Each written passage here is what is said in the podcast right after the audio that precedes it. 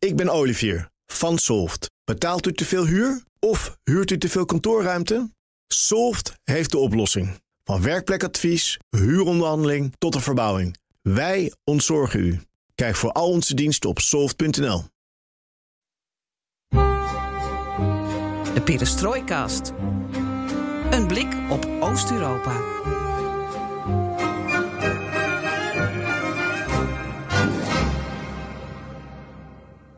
Floris, we hebben nieuws. Zeker. Het duurde tien afleveringen, vele kopjes koffie, glaasjes vodka, caviar van beluga. Dure shit is dat.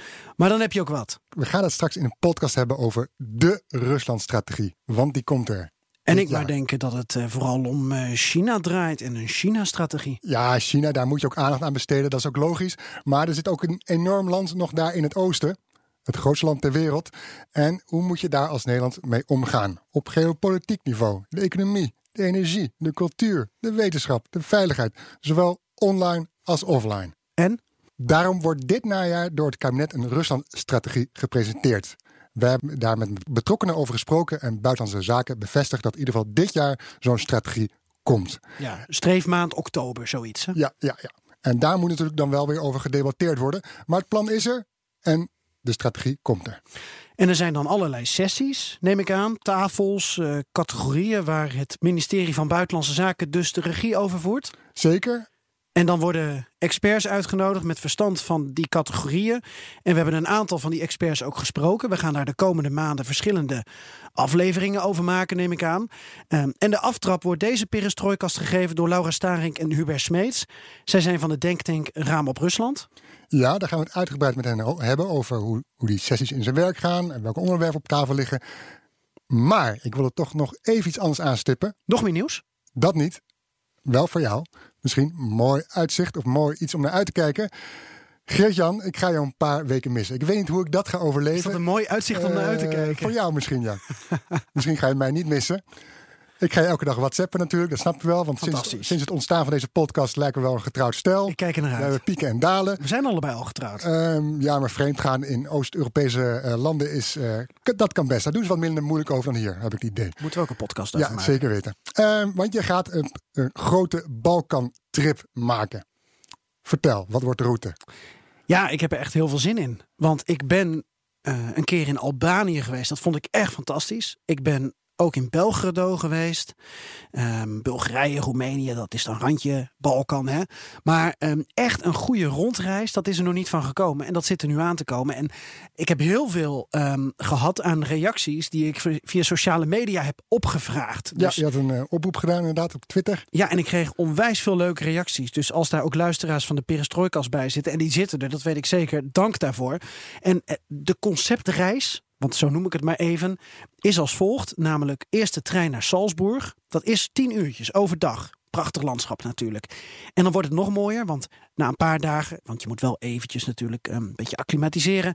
eh, dan reizen we door naar Kroatië, Zagreb. En vanuit daar hebben we keuze. Ga je wat meer Kroatië in of We? kies je voor Bosnië? Eh, de vrouw en ik. Ah. Ja, ja, die mag mee. Eh, ik mag met haar mee. Vooruit, ik Ja. vind het goed. Ik, ik stel het samen, maar ik mag met haar mee. Ehm, ik duik waarschijnlijk Bosnië in. Even kijken bij Banja Luka, want het is toch wel een, een fascinerende stad met een eigen identiteit. Ook gezien het schisma waar, waar Bosnië zich eigenlijk in eh, begeeft. En dan door naar Sarajevo. Daar heb ik onwijs veel zin in.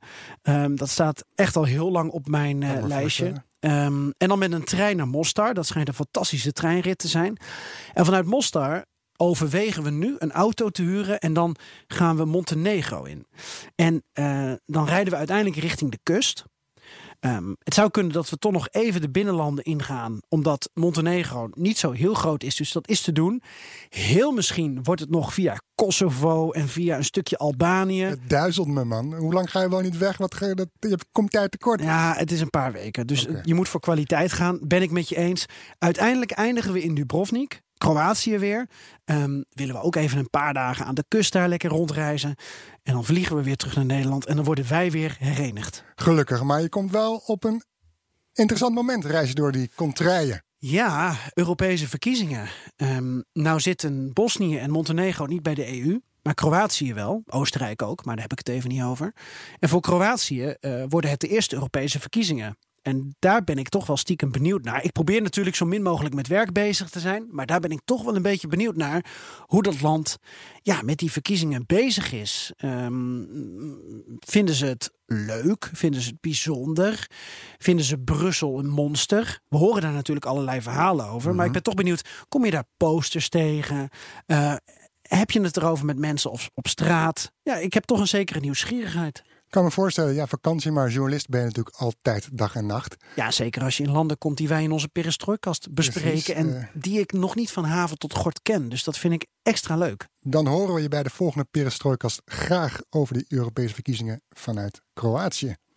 Welkom bij BNR Perestrooikast. De tiende aflevering alweer van de enige podcast van Nederland... die volledig oog voor het oosten geeft en heeft. En vandaag gaan we het hebben over de Ruslandstrategie. Hoe moeten we omgaan met dat land hier ver vandaan? En je weet het inmiddels, alles ten oosten van de rivier de Elbe... kan de komende weken, maanden, jaren in deze podcast besproken worden. En wat extra leuk is, is dat wij heel sociaal en democratisch zijn. En dat je je ideeën kunt inbrengen via, jawel, Twitter, perestrooikast... of wat oldschool, mailen op perestrooikast.bnr.nl. En we doen nog wat met je ideeën ook. Mijn naam is Geert-Jan Haan En ik ben Floris Akkerman. en dit is BNR Perestrooikast.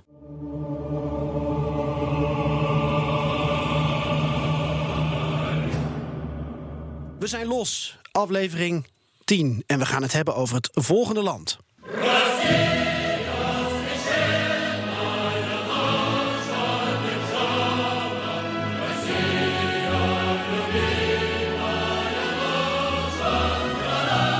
Dit is het Russische volkslied. We gaan het namelijk hebben over de relatie van Nederland met Rusland. Na een China-strategie komt het kabinet namelijk ook met een Rusland-strategie. Naar verwachting is dat plan dit najaar klaar. En om tot zo'n strategie te komen, houdt het ministerie van Buitenlandse Zaken allerlei sessies met politieke, economische en culturele experts. En een, van- een van de partijen waarmee Buitenlandse Zaken praat is Denktank Raam op Rusland. En dus dachten we, laten we Hubert Smeets en Laura Staring van Raam op Rusland eens uitnodigen. om ook in de perestrooikast de aftrap te geven van de Nederlandse Rusland-strategie. Laura, Hubert, fijn dat jullie er zijn.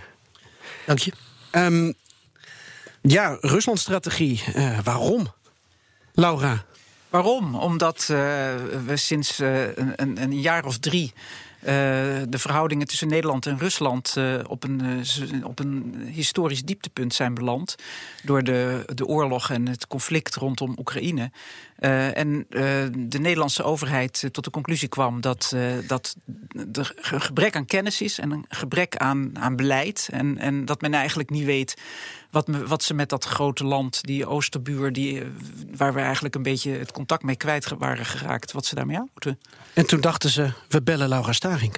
Dat lijkt mij een heel goed idee. Wanneer gingen ze aan de telefoon? Nou, kijk, er zijn een paar expertsessies geweest eh, op instigatie van Buitenlandse Zaken. En daar zijn allerlei eh, experts die zich met Rusland bezighouden. Dat zijn er in Nederland niet eens zo ontzettend veel, meer.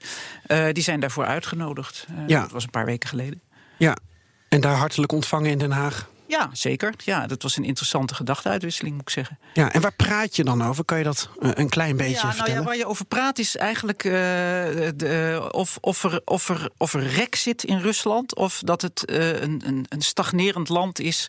Waar, waar je gewoon een soort vast, hard stra- strafbeleid op moet loslaten. Wij van Raam op Rusland zijn meer van de eerste variant. Wij denken veel meer in dat eh, niks eeuwig is. Niks is voor de eeuwigheid. Ook Rusland is een flexibel land. Eh, ondanks eh, het, het, bewind van Poetin, wat natuurlijk een beetje op zijn laatste benen loopt, zie je dat er in de maatschappij gewoon allerlei dingen aan de hand zijn. Het land moderniseert in een rap tempo. En het, leek ons, het lijkt ons belangrijk dat, je, dat de, de Nederlandse overheid daar ook oog voor heeft. Ja, Hubert, ook uitgenodigd. Ja, ik was wel uitgenodigd, maar ik was er niet, want ik was met vakantie.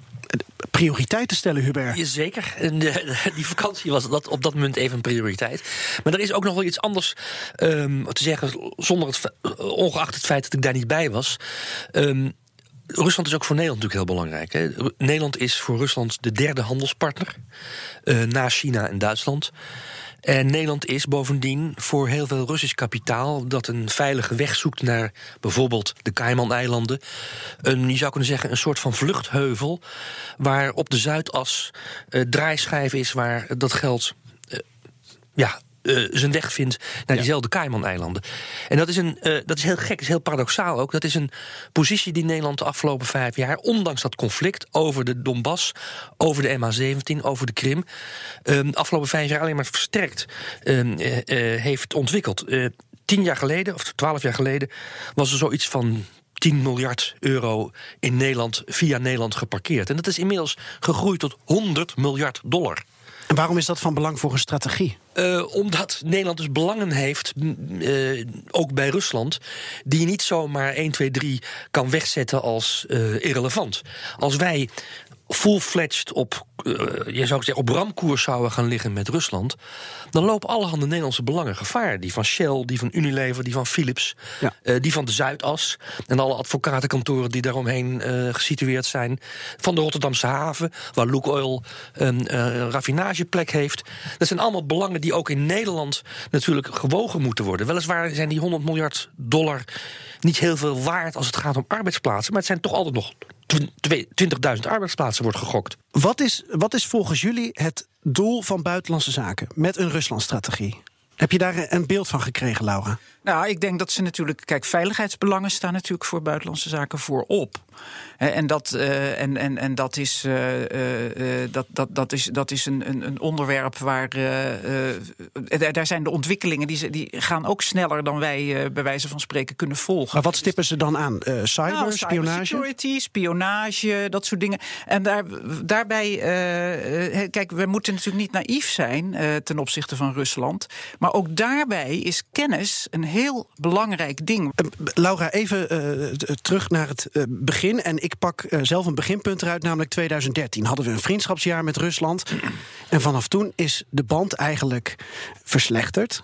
Daarna kwam MH17, uh, onze standpunten wat betreft Oekraïne, sancties, et cetera, et cetera. Zo'n strategie, komt dat niet nu wat laat, zes jaar nadat de boel op scherp stond? Nou, dat komt nooit te laat natuurlijk. Kijk, wat, wat, wat je ziet is dat uh, de, de, de ontwikkelingen in Rusland staan ook niet stil. Dus de, de, de, de annexatie van de Krim en de oorlog in de Donbass was natuurlijk voor, uh, voor West-Europa een enorme verrassing.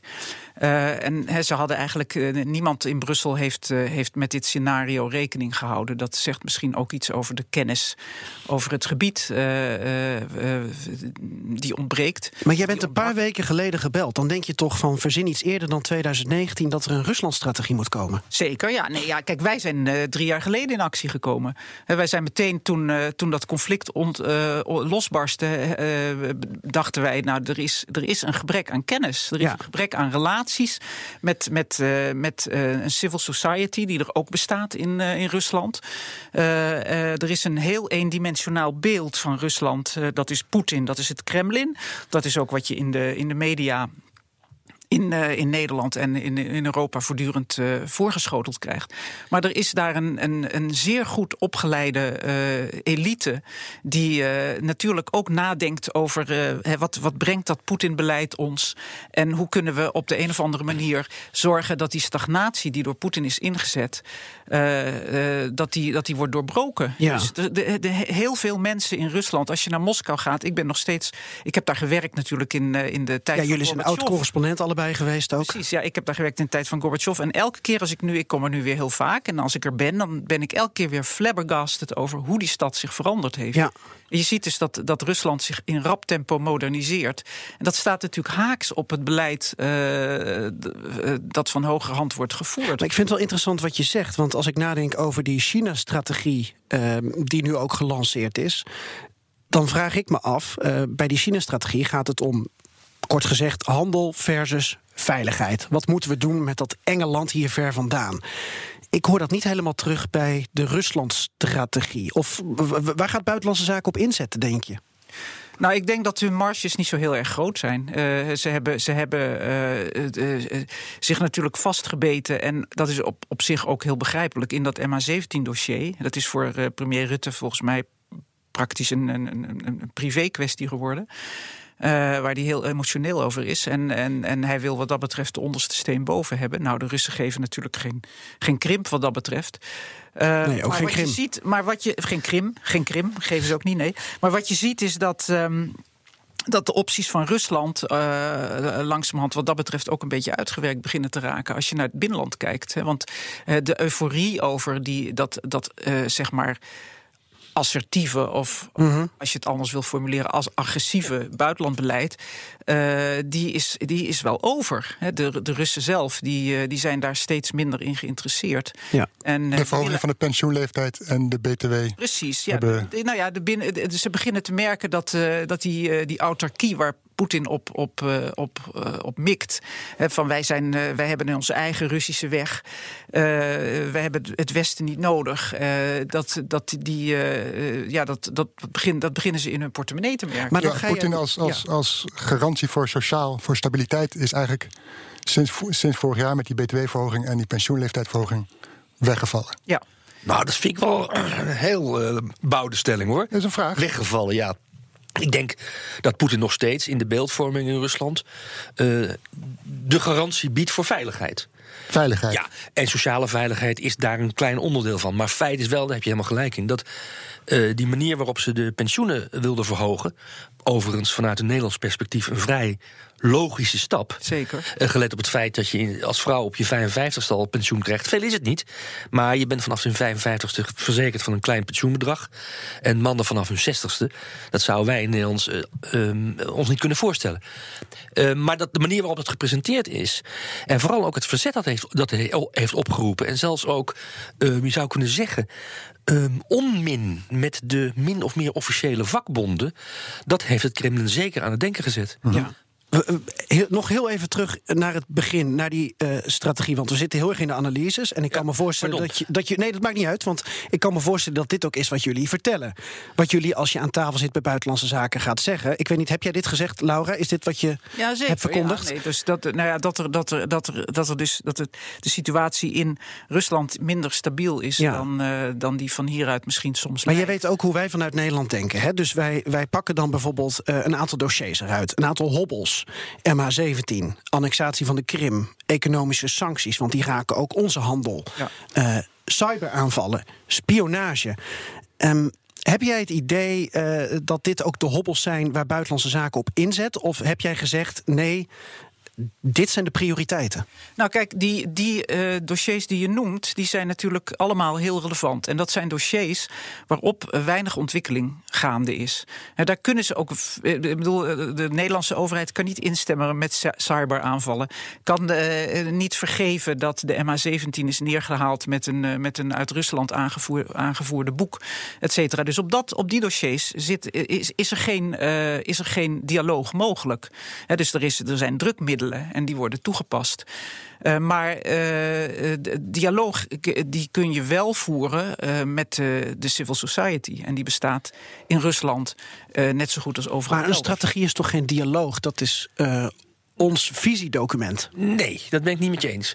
Eh, de, de strategie, je doet nu even alsof de Nederlandse regering überhaupt helemaal niks weet en niks op papier heeft gezet. Dat weet ik niet. Dat is niet helemaal waar. Ik ben niet gebeld. Nee, nee, Jij wel. nou, in twee- nou, nee, ik, Ik ook, ook niet, ik ben hoor. ook, nee, maar in 2015 heeft Koenders, de voor vorige minister van Buitenlandse Zaken, eh, heeft een, een, een- een brief geschreven aan de Tweede Kamer waarin hij zijn, goed, het is, je zou kunnen zeggen, metaforische, eh, metaforisch jargon, veel beeldspraak, eh, de politiek van de vuist en de open hand.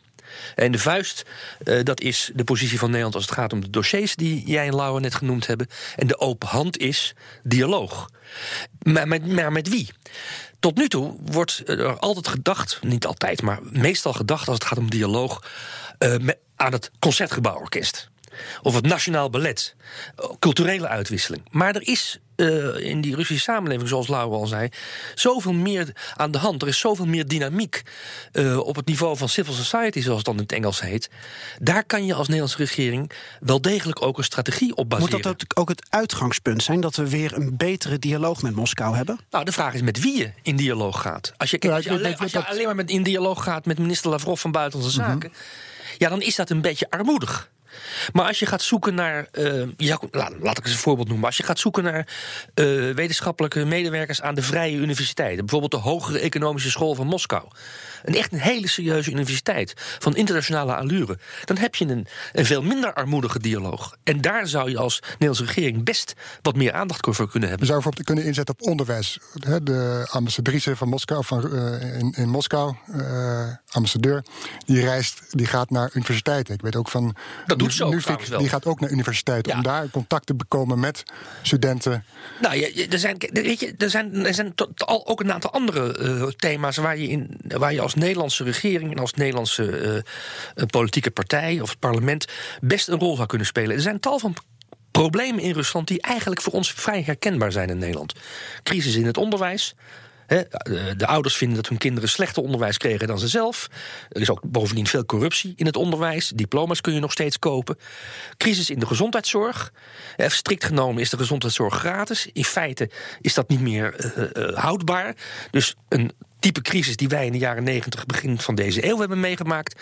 En er is ook crisis, je zou kunnen zeggen, in de volkshuisvesting en de stedelijke ontwikkeling. Eh, nou, jullie zijn allebei eh, veel in, in Rusland geweest. En je gaat het centrum van een gemiddelde stad uit en je komt in een permanente, eindeloze Bijlmermeer, om maar even zo te zeggen. Of Spijkenisse, om het niet te Amsterdams te houden. Ehm, en daar is ontzettend veel aan de hand. Want daar moeten huizen worden afgesloopt. Daar moet een nieuwbouw worden gecreëerd. Is dat betaalbaar? Worden de mensen gedeporteerd, om het in ouderwetse Nederlandse termen te zeggen, naar Purmerend of naar Hellevoetsluis? Of mogen ze terugkomen in de buurt? Daar zijn allemaal, je zou kunnen zeggen, van dat soort type ontwikkelingen. waar burgers proberen zich te verenigen in vrijwillige verbanden. Dus niet onder het banier van de partij zoals vroeger. of niet onder het banier van de jeugdbeweging Nashi van, ehm, eh, van Poetin.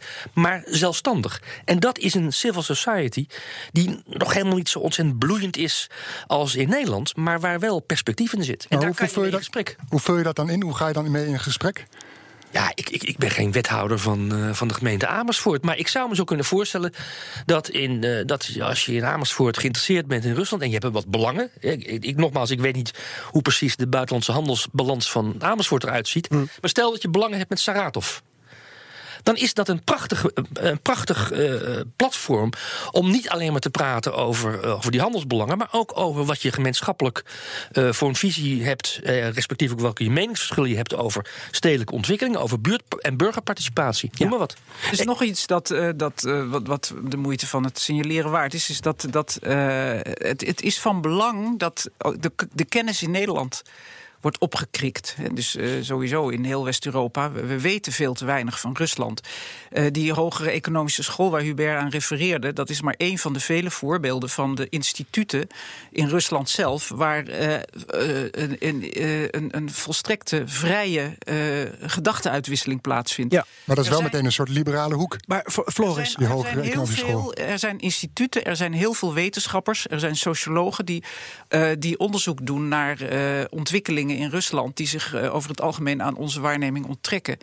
Eh, en met dat soort mensen kun je heel eh, vruchtbare uitwisseling hebben. Wij doen dat via de website van Raam op Rusland. en tot onze grote verrassing is er een enorme respons. Dus men vindt het uit, uitermate plezierig dat, dat er in het Westen belangstelling is voor hun standpunten over, over de ontwikkelingen in, in, in Rusland zelf. Ja.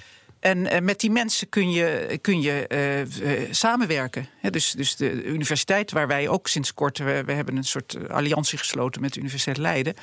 Eh, hè, dus om ook in academia zeg maar, een soort rol, rolletje te, te gaan spelen.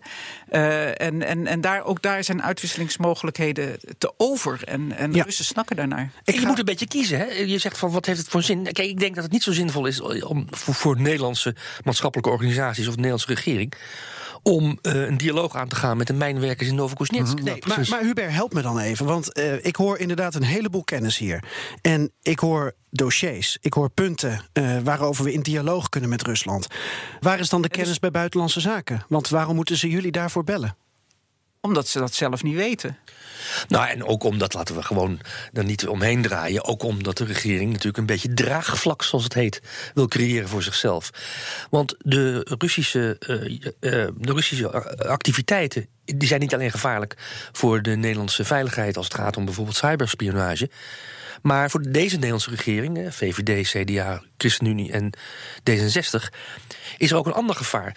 Je zou kunnen zeggen dat Moskou een beetje het centrum is geworden van nationalistisch of nationaal-patriotische internationale. Met Le Pen, met, eh, hoe heet die, eh, Farage in, in Engeland van de UKIP.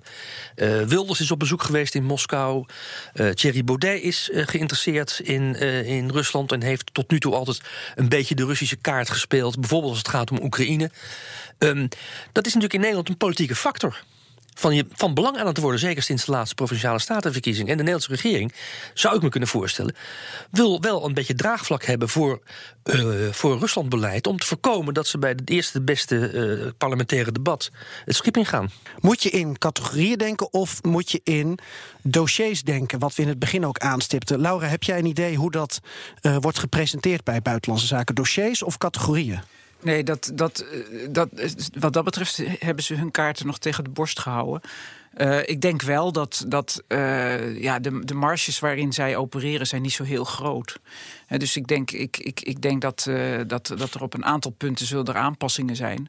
Ehm, ik- wij, wij, wij van Raam op Rusland vinden dat, dat, er, dat er aanzienlijk meer moet worden geïnvesteerd in, eh, in kennis over dat land. Want je kunt een strategie niet baseren op uitsluitend het MH17-dossier. Je moet dat breder trekken. Je moet, je moet op de een of andere manier. Het is trouwens ook, dat is interessant, want dat hoor, dat hoor je ook in Moskou in kringen van eh, de ambassade, om het zo maar uit te drukken. Dat. ehm, eh, dat, er in, dat andere landen eh, ve- eh, in Europa veel pragmatischer eh, en bilateraler omgaan met, eh, met Rusland. Premier Michel van België dan, eh, was ja. in, in, Ja. in, Moskou vorig jaar. Nederland. Nederland zit natuurlijk, en dat is begrijpelijk door dat MH17-dossier, in een, ook in een soort kramp. En eh, eh, dus, eh, en heeft ook weinig, eh, heeft weinig rek daarin. Maar eh, dus er zijn natuurlijk andere landen die, die, die met diezelfde, eh, ja, die, die zelf eh, eh, ont- ontwikkeling doormaken in, in die strategische discussie. En ik denk dat, dat Europa daarin gewoon moet blijven samenwerken en een soort van best practices eh, moet uitwisselen.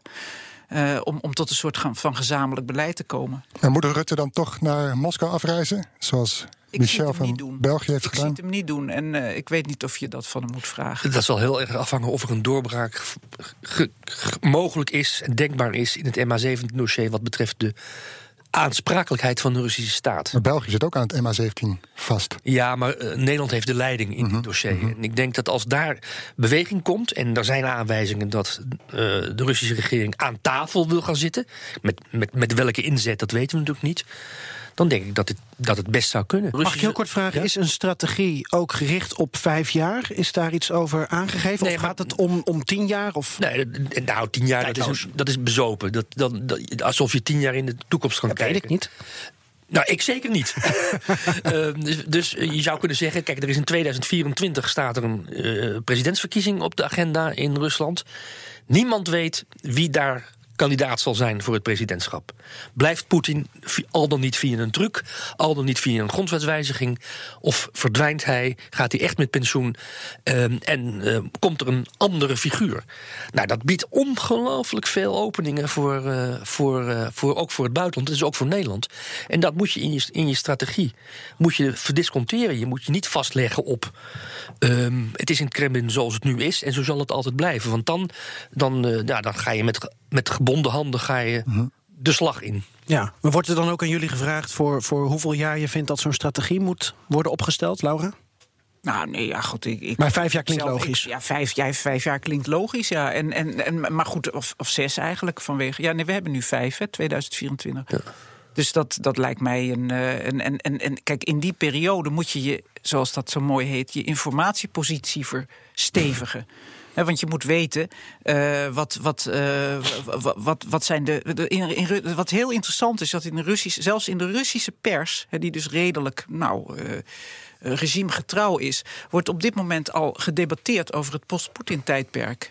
Ik, ik, moet hem langzaamaan uh, uh, gaan afronden. En dan moeten we jullie, zeg ik gelijk bij, een, een andere keer weer hier uitnodigen om wat meer over Rusland en strategieën in andere landen het te hebben. Want ja, Venezuela, Soudaan, noem nog eens een paar landen. Republiek. Ja. Syrië. Syrië. uiteraard. Iran. Oekraïne. Oekraïne. Ja, ik heb hier. Met Rusland. Ik heb hier uh, Libië zitten ze natuurlijk ook. Hè. Uh, je zou Rusland-correspondent in de rest van de wereld kunnen worden, Hubert. Uh, ja, Turkije, daar verkopen ze tegenwoordig wapens aan. Dus ja. met andere woorden, ze zitten op veel meer plekken dan alleen maar op dat gebied waar ze nu zitten. Maar ik ben toch benieuwd, als je de, we hebben het nu over veiligheid, over cyberspionage, over gas, noem het allemaal op. Maar ga je ook letten op mensenrechten binnen Rusland? Nou, dat is in Nederland al sinds de jaren zeventig het uitgangspunt van het buitenlands beleid. Mhm. Dus dat kunnen, we, kunnen, kunnen wij hier in deze, in, de, in deze podcast wel stipuleren dat we dat moeten blijven doen. Maar dat hoef je de Nederlandse regering niet echt uh, nou, uit te leggen. dan ga ik hem anders formuleren. Moet uh, Nederland binnen de nieuwe strategie inzetten op handel, cultuur of staat het bewaken van de Nederlandse veiligheid voorop? Laten we die mensenrechten wel even als, zeggen. Als ik het zou mogen zeggen? Ja. Wat ga je zeggen? En oh, de, de, de, de mensenrechten sowieso even buiten haakjes plaatsen. Nou dat is jouw suggestie. Uh, nee, maar je geeft aan dat die sinds de jaren zeventig wel op de agenda staan. Alleen als je ook kijkt naar de China-strategie, dan gaat het om veiligheid versus handel. En dat zal bij Rusland niet anders nee, zijn. Nee, maar er is natuurlijk wel een verschil tussen China en Rusland. China is weliswaar veel groter dan Rusland en handelstechnisch voor Nederland nog belangrijker dan Rusland. Maar Rusland is wel dichterbij. En Rusland is een land wat altijd nog, uh, zeker voor de helft van die samenleving, de ambitie heeft, de pretentie heeft en het verlangen heeft om een Europese natie te zijn. En dat is, dat is precies, je zou kunnen zeggen, het breekijzer wat Nederland en de rest van Europa heeft om die mensenrechten op de agenda te houden. Schitterend voorbeeld is, uh, Rusland is lid van de Raad van Europa. R Rusland heeft uh, de Europese Verdrag voor de Mensenrechten onderschreven.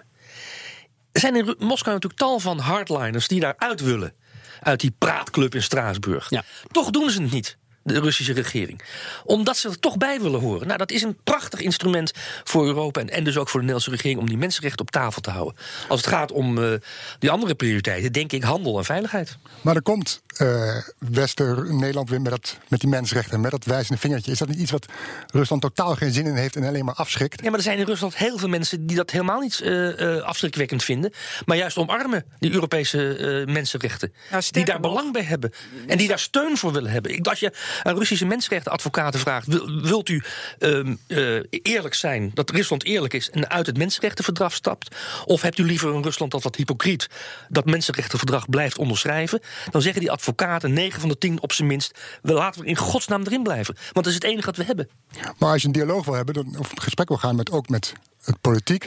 Uh, die staan niet te wachten op die mensenrechten. Nee, maar je hoeft toch ook niet met alle politici in Rusland in gesprek te gaan. Mm -hmm. Je gaat in gesprek met de mensen met wie je, met wie je een bepaalde verwantschap voelt. Ja, we hebben het over die China. Jullie hadden het stipuleerde de China-strategie. En uh, het interessante is natuurlijk dat Rusland is eigenlijk, ja, het is een beetje een groot, groot formaatje bufferstaat, zou je kunnen zeggen. Uh, wat het gevolg van de, van de politiek van het Kremlin op dit moment is dat ze min of meer in de armen van China zijn gedreven. Maar de Russen zijn daar zelf helemaal niet zo heel erg happy mee. Ook de, ook de, de top niet. Daar wordt enorm groot over gedaan. En de zijderoute en invloed en minder, minder gezeur over mensen mensenrechten. Je kan zaken doen met die Chinezen. Maar ze begrijpen heel goed dat zij in de zak van de Chinezen zitten. En uh, er is altijd uh, uh, traditioneel in, door de hele geschiedenis een hele grote argwaan van Rusland geweest ten opzichte van een, het gele gevaar. Mm -hmm. Ja, vroeger de Mongolen en nu de Chinezen. Ja. En, uh, dus, dus, de Japanners uh, misschien ook nog wel. Er zijn, er zijn ook in kringen van uh, het Kremlin zijn er mensen die eigenlijk veel liever zaken zouden willen doen met, met Europa dan met China, waar zij altijd het, het, het kleinste onderknuppeltje van de klas zijn.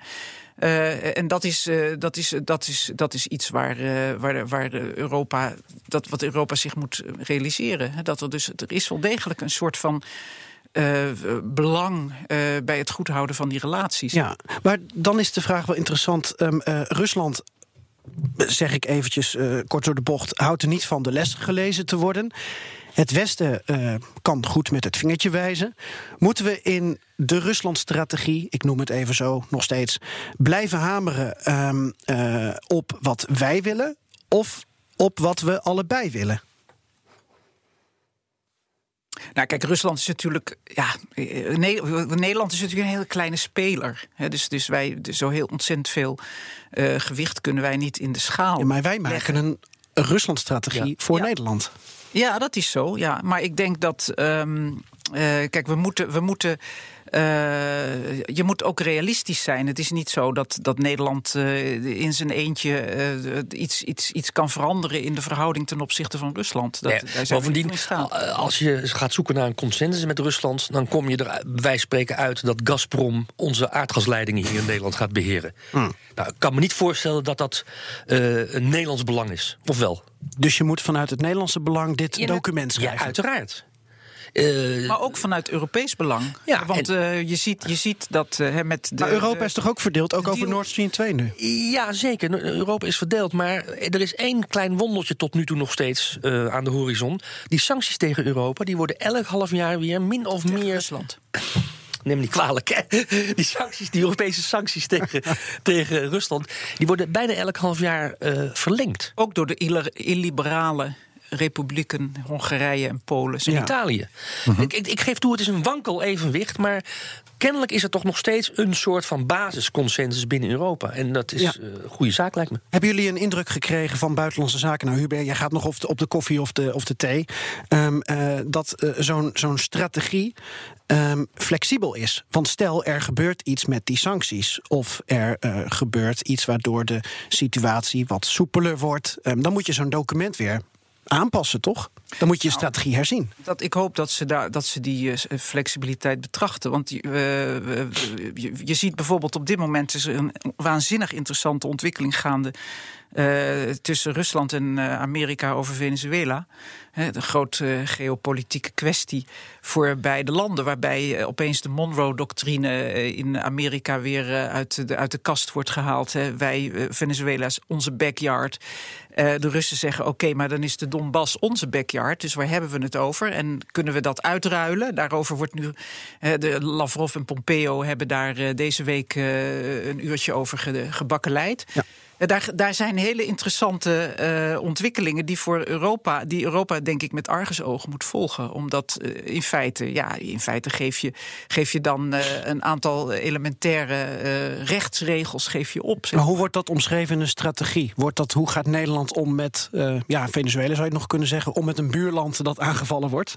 Ehm, Nou, dat zoals Nederland er tot nu toe mee omgegaan is. Niet accepteren dat Krim geannexeerd is. Niet accepteren dat er feitelijke eh, militaire interventies zijn gepleegd in de Donbass. ja. En zeker niet zullen accepteren. eh, Op dit moment denk ik dat eh, de Russische regering paspoorten uitdeelt in het oosten van de Oekraïne. Sterker nog, de ambitie heeft om alle Oekraïners een Russisch paspoort te verstrekken. Want iedereen weet dat de Russische buitenlandse veiligheidsdoctrine gebaseerd is op één cruciaal eh, punt. Namelijk dat de Russische regering de plicht heeft om alle Russen overal ter wereld te beschermen als hun rechten in gevaar zijn. Ja. Dus als je paspoorten aan 45 miljoen. Ik denk niet dat alle Oekraïners zo'n Russisch paspoort willen hebben. Maar stel even het imaginaire geval gaat uitdelen. Dan heb je de casus belli heb je, heb je om de hoek liggen. Ja, ja, Floris, wat vind jij eigenlijk van het idee van een Rusland-strategie vanuit Nederland? Ik denk dat het wel goed is, alleen het is wat laat, eh, naar mijn mening. Eh, maar je Ik weet niet wanneer ze ermee begonnen zijn over na te denken. Laura is een paar weken terug gebeld, maar In, in, in eh, eh, december kwam er een motie in ieder geval van twee Kamerleden om met een Rusland-strategie te komen. En die zou dit voorjaar liggen. Nu heb ik begrepen dat die in oktober komt. Ehm, dat was omdat Hubert op vakantie ging natuurlijk, hè? Dan kan je het niet in het voorjaar al presenteren. dan moet je, dan moet je wachten. maar in mijn ogen zou je op bepaalde eh, punten zou je inderdaad je aandacht moeten hebben. Cultuur, onderwijs en daarop inzetten. En misschien moet je ook wel denken van... goh, we moeten de visumverplichting afschaffen. Dat vind ik helemaal geen slecht idee. Eh, dit, eh, visumverplichtingen zijn eigenlijk over het algemeen heel symbolisch. Hè? We doen alsof we daarmee mensen tegenhouden hè, en onze grenzen bewaken. Nou ja, iedereen die er een beetje verstand van heeft, heeft mij verteld: allemaal onzin. Het is vooral symboolpolitiek, visum, vis- visumpolitiek. Het zou een prachtig signaal zijn. Van, kijk, dus, schitterend signaal. Kijk Rusland, wij staan open voor jullie. Ja. Kom, kom gerust. In Oekraïne was het een van de grootste verworvenheden van de Maidan. Die, dat visumvrije reisregime met Europa. Dus ik zou zeggen, heel, heel denkbaar. Ja. En dan zit ik me nog wel af te vragen, want nu zeg jij ook inderdaad weer uh, politiek, economie, cultuur. Nou, daar scharen we ook even onderwijs onder. En uh, er wordt bijvoorbeeld ook met uh, Sheng Schreier gesproken. befaamd Russisch kunstkenner, noem ik hem maar even. Maar hij weet eigenlijk van cultuur, van literatuur. Hij weet heel veel over, over Rusland. Heel belangrijk, denk ik, voor onze visie. Um, om hem af te ronden. Jullie hebben de eer om mee te praten met uh, Buitenlandse Zaken over een uh, Rusland-strategie. Is het eervol om daarvoor te worden uitgenodigd? Nou ja, ik vind het niet meer dan normaal en vanzelfsprekend, eerlijk gezegd. Je noemde zijn wij de enige think tank in Nederland die zich uitsluitend met Rusland bezighoudt. Ja. Het zou een beetje bizopen zijn als soms ja, niet zou Laura, Laura, het is eervol. Oké, okay, het ja. is eervol. En ik doe al, ik, als ik naar buitenlandse zaken ga, ik ben er nu niet geweest, maar ik ben er wel een andere keer geweest, dan doe ik een pak aan. Wanneer ga je in je pak, Hubert? Nou, ik weet niet. Als binnenkort misschien weer is. En dan doe ik gewoon een keurig pak aan, grijs pak. Geen das, maar wel een pak. Voor, voor het beeld van de luisteraar, Laura, met wie praat je dan? Van Buitenlandse Zaken. Wie zit daar dan aan tafel? Wat, wat, wat voor persoon is dat? Niet iedereen oh. wordt daar uitgenodigd, dus... Maar bedoel je nu de, de ambtenaren van BZ? Ja, je hoeft geen naam te noemen, maar zijn dat inderdaad de ambtenaren van BZ? Zijn dat de Rusland-specialisten van BZ? Uh, ja, die zijn het. En, en het zijn de Rusland-specialisten die in Nederland rijk is. dus dus van, de, uh, van de universiteiten, van Klingendaal, van uh, eh, HCSS. Dat soort instellingen, die ex-journalisten en dat soort mensen. Is het een sessie waar jullie dan tegelijk aan één grote ronde tafel zitten? Zo, voor, voor zover ik weet zijn het drie sessies. en eentje over cultuur, eentje over mensenrechten geloof ik. Nee, onderwijs en wetenschappen. Onderwijs en wetenschappen en, en, en, en eentje over zeg maar geopolitiek, een algemene politieke situatie. Daar, daar zat ik bij. En komen dan uh, uh, mensen met allerlei verschillende visies langs? Komt ook iemand als Wierduk bijvoorbeeld uh, langs? Um, iemand die dus een andere kijk heeft op Rusland?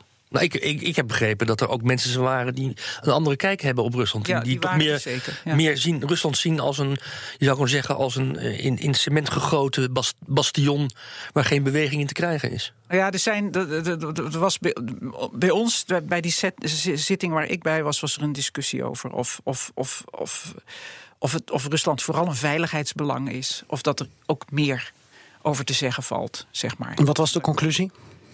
Uh, nou, daar werd verschillend over gedacht. Ik, uh, ik vind het tweede. Ja. Hm, was je in de meerderheid? Uh, ja. Oké. Okay. Oktober, dan moet hij gepresenteerd worden, geloof ik? We zullen het zien. Is dat haalbaar? Ik zou niet weten waarom niet, want hoe, hoe lang kan je erover door? Nou ja, we hebben nog vier à vijf maanden, maar er zit ook nog een zomervakantie tussen. Oh, nou, bij de BZ kunnen ze rustig doorwerken hoor. Ja. En als het er dan in oktober komt, wat dan, Hubert? Wat gebeurt er dan met zo'n strategie? Nou, dan, dan, dan ligt er een document waar de Tweede Kamer over kan uh, vergaderen en misschien besluiten over kan nemen. En dan is er hel, enige helderheid over een aantal hoofdzaken. En dan uh, zou het denkbaar zijn dat wanneer er vanuit de oppositie, bijvoorbeeld Forum voor Democratie of de PVV, gesuggereerd wordt dat er geen meerderheid is voor een strenge lijn, geen meerderheid is voor een, een, een, beperkte dialoog, dan kan de regering zeggen: die is er wel. Want we hebben in de Tweede Kamer hierover gesproken. Uh, de koppen zijn geteld, zijn moties aangenomen en, en verworpen. Over tot de orde van de dag. Dat is de kern, denk ik, van wat die strategie in het parlement gaat betekenen. Ja. Floris, jij mag, uh, omdat uh, Hubert nog naar buitenlandse zaken gaat, uh, nog een ding aan hem meegeven als je wil. Wat moet hij aanstippen bij de, de, de, nou, de, de visumafschaffing. Het afschaffen van de visum, dat je daarvoor pleit. Dat vind ik een interessante gedachte. Ja. Mag ik er nog even op kouwen voordat ik het helemaal tot mijn eigen standpunt maak? Ja, je mag me nog even over bellen als je wil overleggen. Doe ik. heel goed. Um, hartelijk dank voor nu. En ik hoop dat we nog een keer uitgebreid hierover kunnen doorpraten. Laura Starik en Hubert Smees van Raam op Rusland. Zeer veel dank. Joost, oude ja. moppetapper. Fijn dat je weer bij ons bent. Ja, en vanuit Café Moskou hoop ik dat je ons weer kan verblijden met een uh, fantastische dijenkletser. Nou, ik uh, ga mijn best doen. Uh, ik steek maar meteen van wal. Er is een uitwisselingsproject tussen Duitsland en Rusland. De Duitsers en Russen gaan namelijk vrachtwagens uitwisselen. De oh. Duitsers krijgen, de, de, Russen krijgen twee jaar lang de Mercedes tot een beschikking, Mercedes-vrachtwagens. En de Duitsers de welbekende Kamaz truck. Hè, de zware vrachtwagen die ook in het Russische leger veel gebruikt wordt. Ja, ja. Enfin, na twee jaar worden de rapporten opgemaakt, eh, geëvalueerd en de Russen zeggen: wat een waardeloze auto, die, uh, die, die, die, die, Mercedes. We hebben hem twee jaar gebruikt en hij, hij is al bijna op. Waarop de Duitsers hun rapport uitbrengen en zeggen: Nou, die Kamaz, wat een vreselijke vrachtwagens. Twee jaar lang eh, gebruikt en we hebben bijna geen wegen meer. Oh, dat was hem. ik, ik, moest ook, ik dacht dat ook nog wat kwam, maar ik snap hem wel. Dus maar dat maakt hem dubbel grappig. ik dacht er komt nog een oplegger Ja. of zo. Maar, eh, oh, dat was hem al. Ja, Oké. nee, ja, eh, Ja, dat bril- was hem al. briljant weer. Ehm, kun je trouwens ook een keer met een Letse, Oezbeekse of Armeense mop aankomen zetten de volgende keer? Oh, daar moet ik wel even naar zoeken dan. Maar Ja? dat zal ik gaan proberen. Ja, die ja. Armenen die hebben toch wel Ja, eh, humor, hè? Ja, daarom. er is Dat een- was mijn verwijzing. Een, aardige Molda- een Moldavische mop. Wat was dat weer? Een, een, een, eh, Vast iets met wijn. Nee, het gaat over iets doms. Ehm ja, Moldavisch worden als, de, als, de, als de, de, de Belgen van de Sovjet-Unie gezien. Hè? Dus, ehm oh, ik had hem gisteren nog, maar die ben ik dus kwijtgeraakt. Ja. Nou hou hem vast warm voor de volgende keer. is goed. Doen Dan zeggen wij dankjewel weer.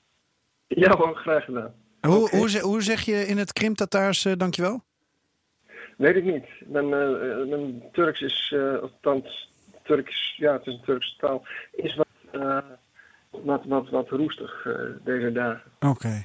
Nou, zeggen wij... Uh... Paka. Aito. Oké, okay, dat is het dan, ja.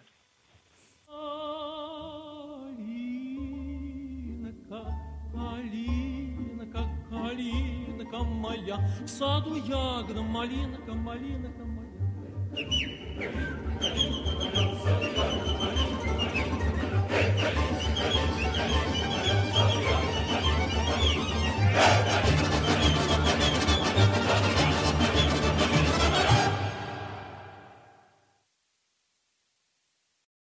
Ik ben Olivier van Solft. Betaalt u te veel huur of huurt u te veel kantoorruimte?